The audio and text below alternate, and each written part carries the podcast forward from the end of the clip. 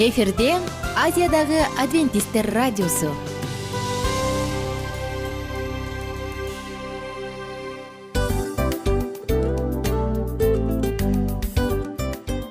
Достор салют. Баардык сүйүктүү угармандарыбызга салам айтабыз. Кутман күнүңүздөр менен. Ден соолук өмүрдүн булагы демекчи саламат саамы программасында баарыңыздарды көргөнүбүзгө абдан кубанычтабыз. Анда алгач амандашып өтөлү арбаңыздар деп. Ден соолугуңуздар кандай элибизде көбүнчө ден соолук кандай дегенде эле жакшы деп жооп беребиз э ооруп турсак дагы жакшы дейбиз. Анан мен муну айтып ойлойт элем бул абдан сонун сөз депчи анткени бул жакшы деген үмүт да э ооба баары жакшы болот баары сонун. Деп үмүттөнүп атып эле өзүбүздү өзүбүз дарылап коебуз. Анысы кандай сиздин дагы ден соолугуңуз жакшы беш деген үмүттөбүз чындыгында ден соолук бул өмүрдүн булагы деп бекеринен айтылган эмес деп ойлойм. Кыргыз элинде анткени эгерде ден соолук жок болсо анда адамдын жашоосунда калган баардык керектүү маңыздуу нерселер өзүнүн баалуулугун жоготуп коет. Ошондуктан ден соолук бул эң керектүү нерсе. Ооба туура айтасың кесиптешим. Чынында ден соолугуң жок бир эки үч күн ооруп калсаң эле э кандай болуп калат? Жашоодо көз каранды болуп каласың көп нерсеге жетишпей каласың көп нерсени кыла албай каласың жада калса эшикке дүкөнгө да чыга албай каласың. Туптуура анан ден соолук болсо демек биз биздин бактыбыз тоодой деп койсок болот. Анда достор саламат саамы рубрикабызды баштайлы. Алдыда өзүңүзгө керектүү болгон сонун кеңештерди уга аласыздар. Мына ошондуктан биз менен бирге болуңуздар. Ал эми биз болсо милан жана айнура. Кеттик алга. Алга саламат саама ден соолуктун жарчысы. Саламат саама ден соолуктун ачкычы. Күн сайын сиз үчүн мыкты кеңештер сонун жаңылыктар кызыктуу фактылар биздин рубрикада.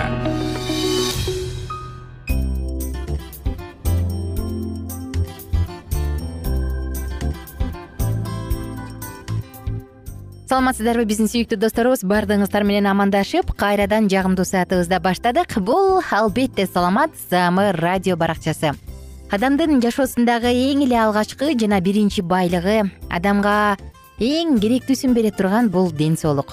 Эгерде бут кийимиң тар болсо ааламдын кенендигинен эмне пайда дегендей? Эгерде байлыгыңдын баары бар болсо бирок сенде ден соолук жок болсо анда мындай байлыктан эмне кереги бар? Сен канчалаган доллардын миллиондогон доллардын ээси болбо бирок ден соолугуң жок болсо аны сага эч ким бере албай турса анда анын бир тыйынча пайдасы барбы. Мисалы стив джобсту айтабыз э көптөгөн атактуу адамдарды айтабыз аларды байлыгы сактап кала алган эмес мына ошондуктан адамдын эң эле алгачкы биринчи байлыгы бул ден соолук дейбиз достор. Ошондуктан баардык угармандарыбызга кааларыбыз ден соолук жана ар бир угарманыбызга кааларыбыз бекем бекем эң сонун беш деген маанай качан адам позитивдүү маанайда жүрүп алганда гана ал өзүнүн ден соолугунун жакшы абалын узарта алат эгер адамдын ден соолугу жакшы болуп бирок ал дайыма негативдүү болсо анда анда анын ден соолугу начарлайт. Айтып коюшат эмеспи э нервдүү нерви жука адамдардын ашказаны көбүрөөк ооруйт депчи. Албетте бул тарс эткендин баары тамаша бирок чындыкка жараша. Анткени биз нервденген сайын ачууланган сайын ашказан кызарып өзүнүн кандайдыр бир функциясын буза баштайт экен ошондуктан достор биздин кааларыбыз албетте ден соолук. Алдыңкы мүнөттөрдө биз мыкты адистер дарыгерлер менен болгон маектерибиз бар. Сиздерди ушул маектерге чакырабыз. Жана бул маектер сизге дагы сөзсүз түрдө бир жакшы пайдасын алып келет жакшы пайдасын тийгизет деген тилекте биз саатыбызды улантабыз. Аты жөнүм айнура миназарова. Биз менен бирге болуңуздар. Алдыдагы жагымдуу мүнөттөр жагымдуу секундтар сиздерге сонун маалыматтарды алып келет деп ишенем. Анда саатыбызды уланталы бизде суроо бар бекен карап алалы жок болсо жыйынтыктаачу учурга келдик. Бүгүнкү коногубуз э, жогорку категориядагы акушер гинеколог эжекебиз. Бир гана гинеколог эмес үй бүлөлүк психолог э бул эки жаатты айкалыштаган эң сонун асыл адам э, кымбат адам. Анан э, ошондой эле саламаттык сактоонун отличниги келип бергениңиз үчүн ыраазычылык айткым келип турат. Азыр ушул саатыбыздын соңку мүнөттөрүндө көрөрмандарыбызга досторубузга кайрылып энелик ушундай дарыгерлик өзүңүздүн кеңешиңизди айта кетиңизчи эмне дейт элем? Баягы давайте ден соолук биринчи байлык экенин түшүнөлүк. Себеби дегенде баягы жаның ооруп калса мына өзүңөр эле көрүп атасыңар могу э, информационный булактардан. Э, баланча тууганым ооруп калыптыр деп урук туугандын баары чогулушат э, акыркы тыйынын алып келип беришет. Бирок результат жок да тиги ооруган аял кете берет. Ошон үчүн ушунун алдын алганды үйрөнөлүчү баягы цивилизованный адамдардай эле болупчу ден соолукту жашыңдан келинди башынан деген биздин эле сонун акылман сөздөрүбүздү пайдаланайлык да. Э, ар бир э, жаран э, өзүнүн ден соолугуна жоопкерчиликтүү экенин түшүнүш керек. Врач бизде врач жооп берет дейт да. Келгенде айтат эже баласыз болуп атабыз сиз гарантия бересизби? Биз балалуу болгонго дейт. Ан көрү мен силерге кантип гарантия берем? Экөөң мага гарантия бересиңби? Лечение кылгандан кийин боюңарга болгонго деп сурайм да. Ошон үчүн ар бир жаран өзүнүн ден соолугун ойлосун деп айтат элем да. Ар бир адам өзүнүн баскан турганына жооп берет. Ар бир адам өзүнүн сүйлөгөн сөзүнө жооп берет. Ошон үчүн ошол жоопкерчиликти биз түшүнгөн күнү цивилизованный странаны курабыз да ден соолугу бар бекем баягы илгерки илгерки ата энебиз айтып кеткен э, тыңшар мамыт жер тыңшар мамыт деген болгон го ооба. Тиги көрөгөч көзөн анан жанагы балбандарыбыз болгон го ошолордун ден соолуктары мыкты болгон да. Азыр бизде эмне болуп баратат бүт эле эптеп септеп хилиңки милиңки оорукчан адамдар. Эптеген ошон үчүн ден соолук биринчи байлык деп туруп пешенеңерге жазып коюп жакшылап өзүңөрдү караганга аракет кылгыла. Эгерде мен да досторубузга кайрылгым келип турат эгер гинеколог өтүшүп баратыптыр десе коркуп болду кеч болуп калды деп тиги дүйнөгө даярданып баштабай э онкогинекологдор бар ата э да. онкогинекологдор бар. Сөзсүз түрдө өзүңүздүн ден соолугуңузга кайдыгер карабай жөнөңүз. Анан баягы айтып коюшат эмеспи өзүн сыйлаган айым жылына жок дегенде эки жолу жок дегенде медосмотрго барып көрүнүп турушу керек деп э. бул оору баягы өзүңө ишенсең дагы өнөктөшүң кандай ким билет э, заман кандай болуп атат айтор. Булардын баардыгын алдын алыш үчүн сөзсүз түрдө керек экенин баарын да жылына эки жолу э, гинекологдорго барып көрүнүп коюу туура мен дагы баардык угармандарыбызга кааларым ден соолук чын эле ден соолук биринчи байлык. Эгерде ден соолугуң жок болсо үстүңдөгү үч кабат үйдөн алдыңда беш машинадан эч пайда жок болуп калат э. Сизге дагы ыраазычылык айтам гүлсүнө эжеке келип бизге эң сонун керектүү маалыматтарды жеткиликтүү жалпак тил менен түшүнүктүү кылып айтып бердиңиз.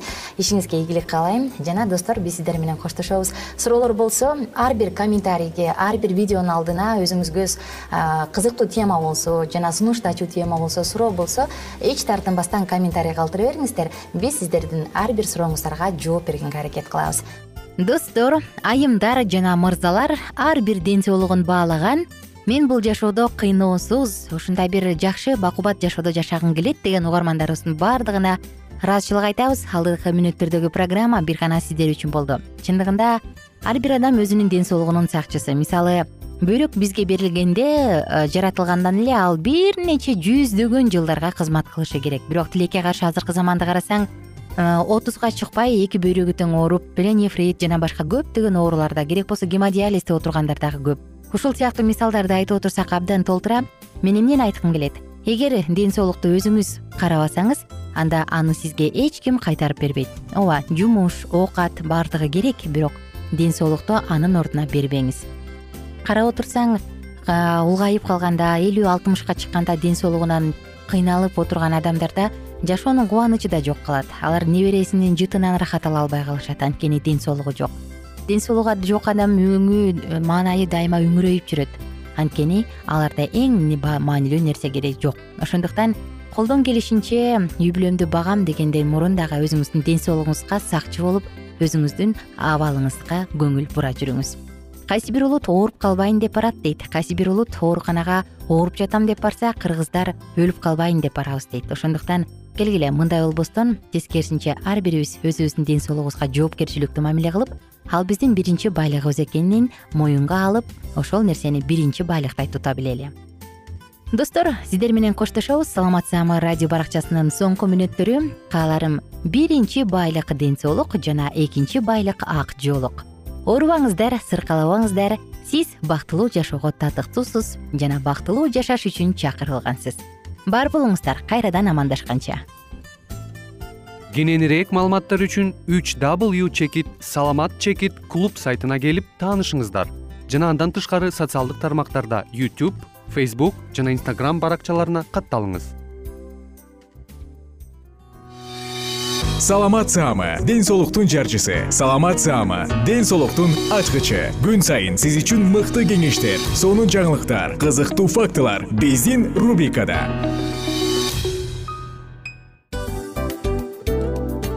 Салам достор. Кайрадан биздин сүйүктүү рубрикабызга кош келиңиздер деп айтмакчыбыз. Баардык замандаштарыбызга арбаңыздар деп саламыбызды айтабыз. Улуу ушундай бир урматтаган учурашуу менен анан дил маек радио баракчабызга чакырабыз. Негизи дил маек биздин рубрикабызда эмне жөнүндө кеп кылабыз бул дил маектин мааниси эмнеде рубрикабыз менен кичине тааныштырып кетсеңиз. Сөзсүз түрдө тааныштыра кетейин кесиптешим суранычы боюнча бул учурда бул радио баракчада биз ар тарап кесип ээлеринен сонун кеңештерди алабыз сүйлөшөбүз сырдашабыз аталарыбыздын эжелерибиздин апаларыбыздын кеңештерин угабыз. Айтор жан дүйнөгө адамдын э, сапатына адамдын деги эле адам болуп жашашына керектүү баардык кеңештер алдыда. Негизи э, дил маек дегенде баягы эки адамдын ортосундагы сырдашуу кенен сүйлөшүү. Негизи эле биз адамдар бири бирибиз менен бир жерге жай жерге отуруп алып өзүнчө тынч э, жашоо жөнүндө өмүрүбүздө эмне болуп атканын бөлүшкөнү жакшы көрөбүз э адамдар. Ооба туура айтасың анан э, мындай учурга кээде убакыт да жетпей келет э. Же болбосо сырыңды кайгыңды муңуңду кубанычыңды айткың келет адамга ишенбешиң мүмкүн. Ооба. А бул радио баракча угармандарыбыздын чыныгы досу анткени бизден алган кеңеш сиздин жашооңузга чоң жардам берет. Ал эми сиздин бизге айта турган сөзүңүз ортодо гана сыр бойдон калат. Ошондуктан биздин дил маек рубрикабызга дагы бир жолу кош келиңиздер. Жана биз даярдаган маалыматтарга даяр болуңуздар. Айнура жана милан сиздер менен бирге алдыга кеттик ар түрдүү ардактуу кесип ээлеринен. Алтын сөздөр жүрөк ачышкан сыр чачышкан сонун маек. Дил маек рубрикасында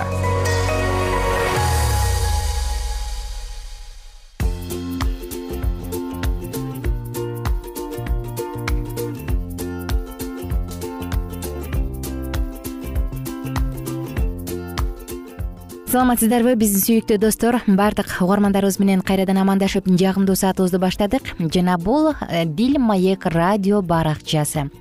Достор бүгүн сиздер менен бирге биз э, эң сонун руханий мурас жашыя деп аталган ыйман адеп жана маданият жылына карата чыккан сонун китептин башталышындабыз. Жана албетте ар бириңиздерди ушул сонун радио баракчабызга чакырмакчыбыз. Биз менен бирге болуңуздар кызыктын баардыгы алдыда албетте китеппи окуябы баардыгын баштап атканда биз киришүүдөн баштайт эмеспизби э? Бүгүн дагы киришүүдө баштайбыз. Киришүүнүн аталышы босфордун пири нундун уулу жашия анын аты адеп ошия болгон. Мунун мааниси жардам куткарылуу дегенди түшүндүрөт. Биздин заманга чейинки он үчүнчү кылымда фараон титмостун тит муса деп коет эмеспи э? Тит муса болчу дал ушул титмустун бийлиги алдындагы кулчулуктун кишенин талкалап мисирден чыккан ысрайыл эли менен кошо кызыл деңизден өткөндө ал жыйырма эки гана жашта болчу караңыздарчы жыйырма эки жаш. Мүмкүн ыйык жазуудан эскосияттан окуган болсоңуз тасмаларды мульт тасмаларды көргөн болсоңуз анда дароо билесиз. Кийин мусанын оң колу болуп ага жашия жараткан эге куткарылуу деген ат берилген мусанын жетеги алдында жашыя өз заманынын эң атактуу адамдарынын бири болуп чыккан. Арабтарда ал ешуа ибн нун деген ат менен белгилүү. Ал эми түркчө анын аты юша. Мусулмандардын аны курандын бешинчи сүрөсү аль маидада эскертилген үчүн билишет. Бирок туркия калктары үчүн жашыя өзгөчө мааниге ээ ал кара деңиз менен мармар деңизинин ортосундагы стамбул шаары жайгашкан куш жер тилкеси босфордун төрт касиеттүү пиринин бири болуп саналат. Жашиянын дөбөсү башкача айтканда дөбө дөбө э? Жашиянын дөбөсү да босфор кырсыгынын жээгинде заңкайып көрүнүп турат. Бул жерге жашиянын сөөгү коюлган болушу мүмкүн дешет. Ошондон улам бул жер абдан белгилүү болуп мында эл көп келет жашия китебинин башкы темасы ысрайыл элинин кайра канаан жерине сапар тартышы. Бирок азыркы жагдай бир кезде ыбрайымдын аялы сара иниси лут жана бир нече малайы менен биринчи жолу келгендегиден таптакыр башка эле. Бул жердин калкы мурдагыдан көбөйгөн. Ыбрайымдын үй бүлөсү канаанда эки жүз он жыл небереси жакып туулганга чейин жашаган. Жакып кийин ысрайыл деп аталып калган арадан убакыт өтүп ысрайыл өз уул неберелери менен мисирге бир үй бүлө болуп көчүп барышкан. Андан кийинки төрт жүз жылдын ичинде ысрайыл урпактарынын саны эркектерди гана эсептегенде алты жүз миң кишиге жеткен. Азирети муса ысрайыл тукумунун мисирден алып чыгып бир кезде ыбрайым ал кезде ыбрам делчи ысрайыл элинин калыптанышы жөнүндөгү пайгамбарчылыкты уккан жерге алып келген. Муса пайгамбардын биринчи китебинде мындай деп жазылган бул тууралуу. Анан жараткан кудай ага мен ушул жерди энчилеп берүү үчүн сени каздилердин ур шаарынан алып чыккан жараткан эгеңмин деди. Ыбрам жараткан эге эгедерим бул жердин меники болорун кантип билем деп сурады. Жараткан ага мага үч жашар кунаажын үч жашар эчки үч жашар кочкор бир бактик жана бир көгүчкөн алып кел деди. Ыбрам баарын алып келип союп аларды дал ортосунан бөлдү да бөлүктөрүн бири биринин тушуна койду. Ал эми канаттууларды бөлгөн жок. Ошондо жоорулар жабалактап учуп келди бирок ыбрам аларды кубалап турду. Күн батарда ыбрамды катуу уйку басып жүрөк күчүн алган коюу караңгылык каптады. Ошондо жараткан эге ага мындай деди ушуну биле жүр сенин тукумуң чет жерде келгин болот. Төрт жүз жыл кул болуп эзүүдө жашайт. Бирок мен аларды кул кылган элди жазалайм. Алар ошол жерден көп байлык менен чыгып кетишет. Ата бабаларыңа тынчтык менен барасың. Карылыгың жеткенде коюласың. Сен болсо узак өмүр сүрүп тынччылык менен оо дүйнө салып ата бабаңдын жанына барасың. Сенин тукумуңдун төртүнчү мууну гана бул жакка кайтып келет. Анткени аморлуктардын күнөөсү жетер жегине жете элек. Акыры канаанга кайта турган мезгил да келди. Бул окуяны кудай кылымдар мурун эле пландаштырып койгон. Канаанга киргенге чейин ал жерди иликтеп чалгындап алуу керек эле. Ар бир уруудан бирден өкүл тандалып чалгынчылар тобу элге кабар алып келишмек.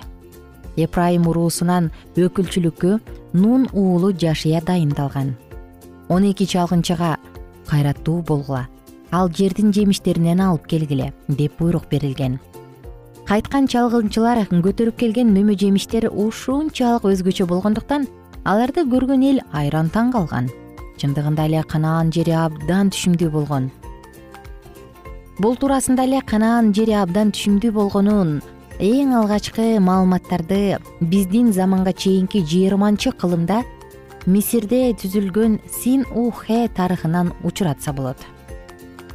Анын белгисиз автору байыркы замандын шекспири катары дагы таанылган. А аттуу бул жер мол жемиштүү. Анжыр да жүзүм дагы дайым өсчү. Айтышат суудан дагы шарап көп деп. Балына суу майына жетпейт эсеп.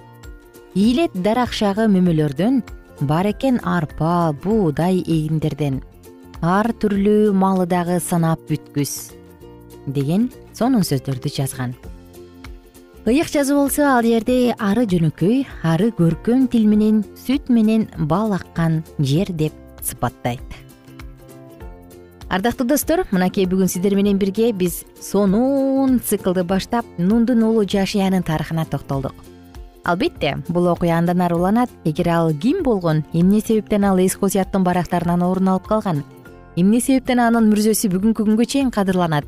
Деген суроолорго кызыктар болсоңуз анда жалпыңыздарды кийинки уктурууларыбызга чакырабыз. Биз менен бирге болуңуздар. Сөзсүз түрдө кийинки уктурууларда сонун маалыматтар сонун ойлор бир гана сиздер үчүн болмок. Достор жалпыңыздарга көңүлдүү күн кайрадан амандашканча сак саламатта туруңуздар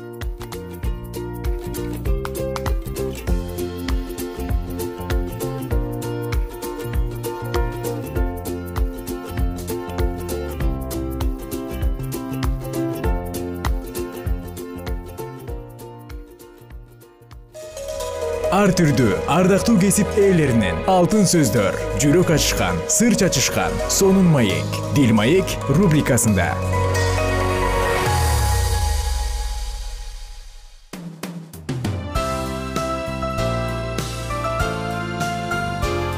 Эфирде азиядагы адвентисттер радиосу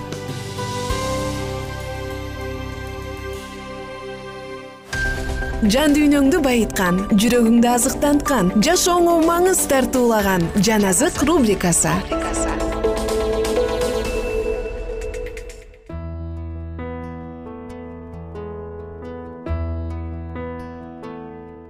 Кутман күнүңүздөр менен сүйүктүү достор баардык угармандарыбызга ысык салам айтып сиздер менен бирге кайрадан жан азык радио баракчасындабыз достор жаназык радио баракчасында биз акыркы учур пайгамбарчылык жөнүндө кеп кылып жатканбыз. Жана биздин акыркы темаларыбыздын бири бул аян китеби диний ишенимдердин жана секталардын жалганын ачыкка чыгарат деген теманын тегерегинде сөз кылып жатканбыз. Бүгүн да болсо бул теманы жыйынтыктап атып бүгүн жыйынтыктайбыз. Негизги маанилүү учурларга дагы бир сыйра токтолгубуз келди.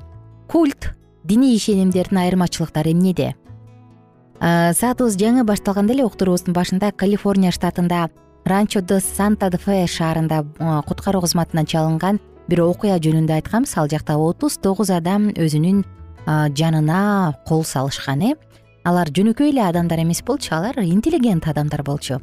Анан эмне себептен адамдар жалган ишенимге жалган жолго түшүп калышат мына бул тууралуу дагы сөз кылганбыз. Эске салсам биз жалган ишенимден чындыкты кантип айырмаш керек? Мына ушул жөнүндө сөз кылганбыз. Жана эң эле биринчиси бул сектада бир күчтүү лидер болорун. Ал өзүнчө эле бир миссия болуп алгандыгын айтканбыз. Э өзүнчө эле мисих болуп алат машаяк болуп алат өзүнчө. Менин айтканым меники меники деп калат.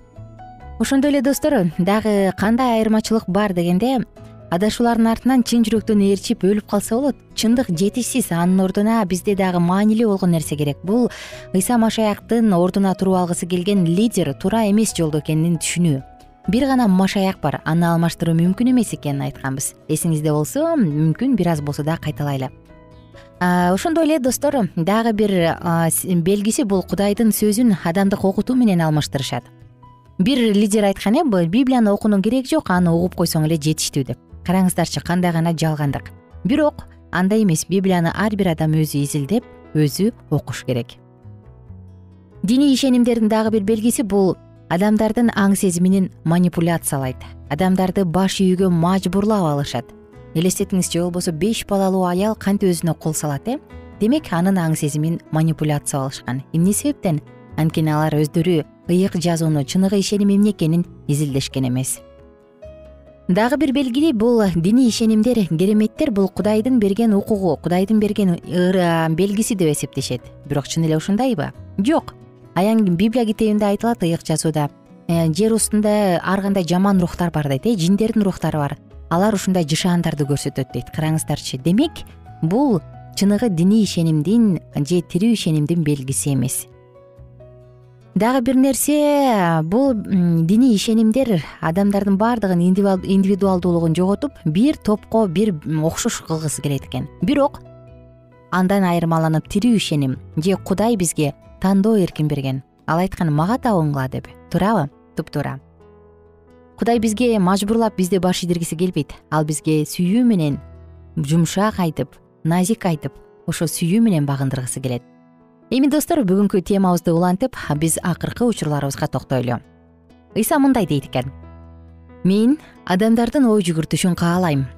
Мага келгендер жүрөктөрүн өз эрки менен арнашын каалайм. Суроо берип жоопту ыйык китептен издешин каалайм. Бул ыйса машаяктын каалоосу. Диний ишенимдер каршылыкты каалабайт алар окшоштукту каалайт.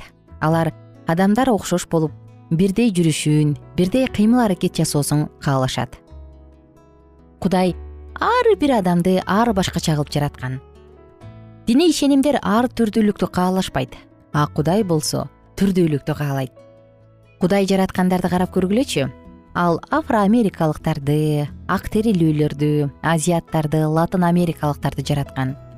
Ал биздин баардык түрдүү жүрөктөрүбүз менен ага табынышыбызды каалайт. Ошондой эле кудай кандайдыр бир топко таандык болгондорду эмес ар бир адамды индивидуалдуу куткарууну каалайт. Ар бирибиз кудайдын алдында отчет беребиз. Досторубуз сот күнү кудайдын алдында биздин ордубузда турушпайт. Диний ишенимдерде машаяктын ордун лидер ээлеп алат диний ишенимдерде кудайдын сөзүн адамдардын салт санаасы ээлеп алат диний ишенимдер адамдар өз алдынча ойлоно алышпас үчүн баардыгы изоляцияланып бирдей болушун каалайт диний ишенимдер эмоцияны кереметтердин жардамы менен козгогусу келет. Бирок библия. Биз өзүбүздүн куткарылуубуз үчүн кудайдын алдында жекече жоопкерчиликтүү экенибизди айтат. Ыйса машаякты айкаш чыгачка кадашканда кээ бир адамдар аны кабыл алууну каалашкан бирок диний лидерлердин реакциясынан чочулашкан. Алар эгерде бул дин менин чоң атам үчүн эле эң эле жакшы болгон болсо анда мен үчүн да жакшы болот дешкен эгер ал диний лидерлер үчүн жакшы болсо анда мен үчүн да жакшы болот. Достор ыйса машаяк үчүн эмне жакшы болсо мен үчүн да ошол нерсе жакшы болот. Эгер бул маалымат библияда жок болсо анда ал мага пайдалуу эмес. Кудай бизге ой жүгүртүп чечим чыгарышыбыз үчүн аң сезим акыл бергенин унутпайлы. Биз диний ишенимдин таасири алдында калуу коркунучундабызбы же жокпу? Кантип түшүнсөк болот аны түшүнүүнүн бир нече ыкмасы. Сиз машаяктыкына караганда адамдын аброюна көбүрөөк карайсыз. Сиз кудайдын сөзүнүн эмес а салттын окутуусун кабыл алып жатасыз. Сиз укмуштуу кереметтерге суктанып жатасыз. Ишенимиңизге ылайык жашай албай жатасыз. Ыйса айкаш жыгачта колдорун тешкен ыйса машаяк мындай дейт. Чарчап чаалыккандар жана түйшүк тарткандар баарыңар мага келгиле мен силерге тынчтык берем. Кандайдыр бир түйшүк тартып жатасызбы? Күнөөнүн жүгүн көтөрүп жүрөсүзбү? Бүгүн дагы бир жолу ыйса менен сүйлөшүңүз. Ал биз үчүн кучагын жайып жатат. Сиз кечиримге муктажсызбы? Бизге колдору айкаш жыгачкан кадалга куткаруучу берилген. Ал ыйса машаяк. Бүгүн да ыйса колдорун бизге сунуп жатат. Бизди кечире турган ал. Бизди өзгөртө турган дагы ал бизге жаңы күч бере турган дагы ал. Баардык түйшүк тарткандар мага келгиле дейт ыйса библия кайсы бир адамдын жыйындын же харизмасы күчтүү лидердин артынан ээрчишибизди суранбайт. Ал бизди ыйсанын артынан ээрчишибизди суранат. Ыйсага келип ал үчүн жүрөгүңөрдү ачып бергиле. Ага теңир мен сенин артыңдан ээрчигим келет деп айткыла. Бул албетте жетиштүү. Кайрадан амандашканча сак саламатта туруңуздар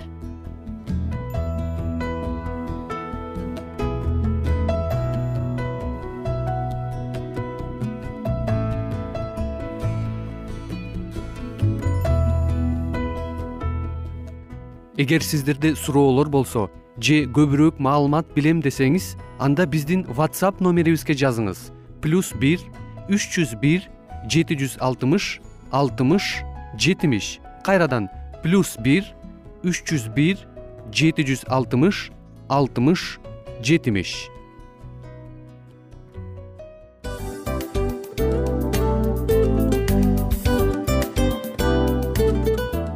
достор биздин радио баракчаларыбыз соңуна келди. Демек бул программабызды дагы жыйынтыктачу учур келдик.